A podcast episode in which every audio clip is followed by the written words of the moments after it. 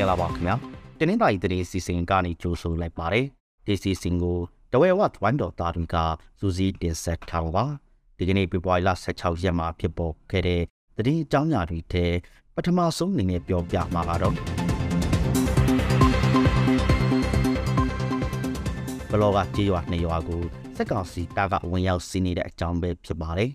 မိခိုင်ရဲ့ဘလော့မြို့နယ်ကတဲ့ကြေးရွာနဲ့တင်ကြတော့ကြေးရွာကို ဖေဖော်ဝါရီလ15ရက်ကဝင်ရောက်စီးနင်းခဲ့ပါတယ်။အဲ့ဒီနှစ်ရွာဟာဘလော့မြို့နယ်ပြည်သူ့ကာကွယ်ရေးတပ်ဖွဲ့ရဲ့အမာခံပြီးဖြစ်တယ်လို့ဆိုပါတယ်။ပြည်သူ့ကာကွယ်ရေးအဖွဲ့တွေလာတကြသိပ်ပိုက်ပြီးယာယီရှိတာစခန်းဖြစ်တဲ့အသုံးပြုနေတဲ့အဲ့ဒီနှစ်ရွာကိုစက်ကောင်စီတပ်ကအင်အား200ကျော်နဲ့ဝင်စီးခဲ့တာလို့သိရပါတယ်။ပြည်သူ့ကာကွယ်ရေးအဖွဲ့တွေကတော့လက်တလောအဲ့ဒီရွာတွေကနေဆုတ်ခွာသွားကြပါတယ်။ မြတောင်းရွာကအမျိုးသမီးတအုပ်နဲ့ကလေးတအုပ်လည်းလက်နက်ကြီးထိမှန်ဒဏ်ရာရထားတယ်လို့ဆိုပါတယ်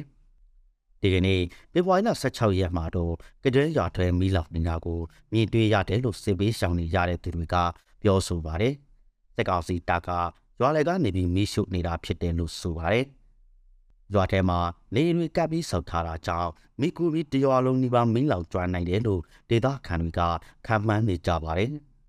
ညနေပိုင်းမှာမိလောင်နေတာတွေညှိသွားပြီးမြင်ပျက်စီးမှုအခြေအနေကိုမသိရသေးပါဘူး။စက်ကောင်စီဖက်ကတော့ကဲတွဲရွာမှာဖမ်းဆီးခံထားရတဲ့ဝန်ထမ်းနဲ့ပြည်သူ73ဦးကိုကဲထုတ်နိုင်ခဲ့တယ်လို့သတင်းထုတ်ပြန်ထားပါတယ်။ဇလပီဝီဆိုတီခေါဆောင်တဲ့ဆွေမျိုးတွေပြန်လောလာကြတဲ့အကြောင်းပြောပြပါမယ်။လောင်လုံးမျိုးနဲ့ ကြောက်နေမော်ကျေးဝါပြူစော်တီဒုတိယခေါင်းဆောင်ဖြစ်တဲ့ဦးစိုးတန်းရဲ့မိသားစုတွေကိုလောင်းလုံးမြို့နယ်ပြည်သူ့ကာကွယ်ရေးအဖွဲ့ကပြန်လှော့ပေးလိုက်ပါတယ်။ပြီးခဲ့တဲ့နှစ်ဒီဇင်ဘာလ16ရက်ကဦးစိုးတန်းရဲ့သမီးနဲ့မြေသူကိုလောင်းလုံးမြို့နယ်ပြည်သူ့ကာကွယ်ရေးအဖွဲ့ကဖမ်းဆီးခဲ့ပါတယ်။ဆယ်ရက်ကြာမှာတော့တအူးကိုပြန်လှော့ပေးခဲ့ပါတယ်။ကြာနှစ်ယောက်ကိုတော့59ရက်ကြာထေးသိမ်းထားပြီးမှဖေဖော်ဝါရီလ14ရက်ကပြန်လှော့ပေးလိုက်တာပါ။ထေးသိမ်းထားတဲ့အချိန်နှိမ့်ဆက်တာတွေမရှိတဲ့အပြင် စားတောင်းတဲ့ဆေးဝါးတွေကိုပါလုံလုံလောက်လောက်ပေးခဲ့တယ်လို့ပြန်လုံးလာသူတဦးကပြောပါတယ်။ဒရက်ဇက်ရွာကမျိုးသားကိုတဲချောင်းပြည်သူ့ကာကွယ်ရေးအဖွဲ့တကူကပြစ်ဒတ်ခဲ့တယ်လို့ထုတ်ပြန်လာတဲ့အကြောင်းဆက်ပြောပြပါမယ်။တဲချောင်းမျိုးနဲ့ဒရက်ဇက်ရွာကဥတေလာဆိုတဲ့အမျိုးသားကိုတဲချောင်းမျိုးနဲ့ပြည်သူ့ကာကွယ်ရေးပျောက်ကြားတပ်ဖွဲ့ကပြစ်ဒတ်ခဲ့တယ်လို့ဒီကနေ့သတင်းထုတ်ပြန်ပါတယ်။ဥတေလာဟာဖေဖော်ဝါရီလ14ရက်ကအုတ်တူရွာမှာပြစ်ဒတ်ခံလိုက်ရတာပါ။ ပြည်သူ့ကာကွယ်ရေးပျောက်ကြားတပ်ဖွဲ့ကတော့ဦးတင်လာဟာစစ်ကောင်စီတပ်ပြည်စောတိအဖွဲ့တွေနဲ့ပူးပေါင်းပြီးတွာလာတာပြည်သူ့ကာကွယ်ရေးအဖွဲ့များကိုလိုက်လံရှာဖွေတာတွေကိုလှုပ်ဆောင်ခဲ့တဲ့တပ်တွေအထောက်ထားတွေတွေ့ရှိရတယ်လို့ဆိုထားပါတယ်။သေဆိုသူဦးတင်လာရဲ့သမီးတဦးခါတော့သူတို့ရဲ့ဖခင်ဟာပါမန်ရွာသားတဦးဖြစ်ပြီးရောဘာကျောင်းဝယ်လုပ်ငန်းလုပ်ကိုင်နေတာပါဖြစ်တယ်လို့လူမှုကွန်ရက်မှာရှင်းသားထားပါတယ်။ ဖခင်ပြည်သူအသက်ခံရမှုနဲ့ပတ်သက်ပြီးတရားမျှတမှုရချင်တယ်လို့လည်းဆိုထားပါတယ်။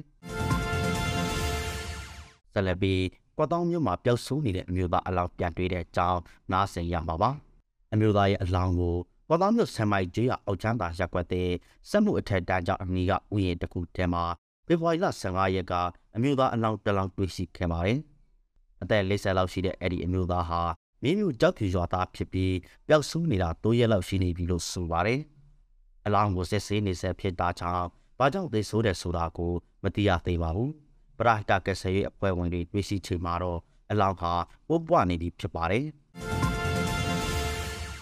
ရွှေစည်းခွက်အကြောင်းဆက်ပြောပြပေးပါမယ်။ကမ္ဘာရွှေစည်းထိုးကြနေပြီမဲ့ပြည်ရင်းရွှေစည်းကတော့တင်နေဆဲပါ။တလာတာကာလာထဲကမ္ဘာရွှေစည်းတအောင်စား မြန်မာကျပ်ငွေ2သိန်းခွဲကျော်နဲ့ညီမျှတဲ့88ဒေါ်လာကျဆင်းလာပါတယ်။ပြည်ရင်းရှိစီကတော့အရင်ကတဲ့ကျပ်9000လောက်ထပ်တက်သွားတာကြောင့်လက်ရှိမှာ28သိန်း5000ကျပ်ဝန်းကျင်ဈေးပေါက်နေပါတယ်။ပြည်ရင်းကရွှေလုပ်ငန်းရှင်တွေရဲ့လက်ဝဲကြီးအုံမှုကြောင့်ကမ္ဘာရွှေဈေးကျပြီးမဲ့ပြည်ရင်းရွှေဈေးမကျပဲဖြစ်နေတာလို့ပြောဆိုမှုတွေရှိနေတဲ့ဆိုတဲ့အကြောင်းတင်ဆက်ပေးလိုက်ကြပါမယ်ခင်ဗျာ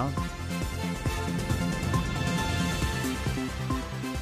ခုလိုနားဆင်ပေးခဲ့တဲ့အတွက်ကျေးဇူးအထူးတင်ရှိပါတယ်မြန်မာနိုင်ငံသူနိုင်ငံသားများကပိပေါင်းကနေမြတ်ဆိုးလွတ်မြောက်နိုင်ပါစေလို့ဒဝဲဝတ်ဝိုက်တော်သားများကစုမော်ကောက်တောင်းအပ်ပါတယ်ခင်ဗျာ